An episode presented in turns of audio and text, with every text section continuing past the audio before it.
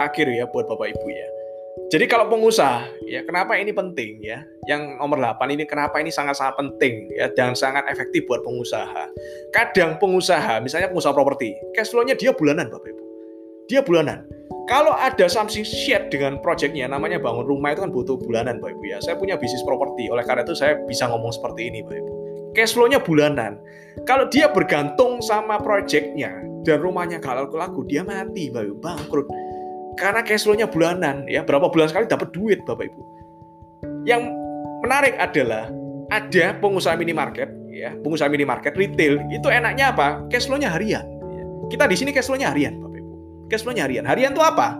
Tiap hari dapat duit, tapi ya nggak banyak ya.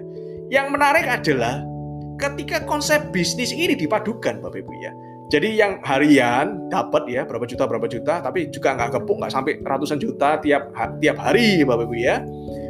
Tapi juga bulanannya juga dapat bapak ibu ya. Jadi harian digabungkan dengan bulanan itu luar biasa. Ibaratnya pengusaha properti dia juga punya pengusaha minimarket, dia juga punya minimarket itu luar biasa.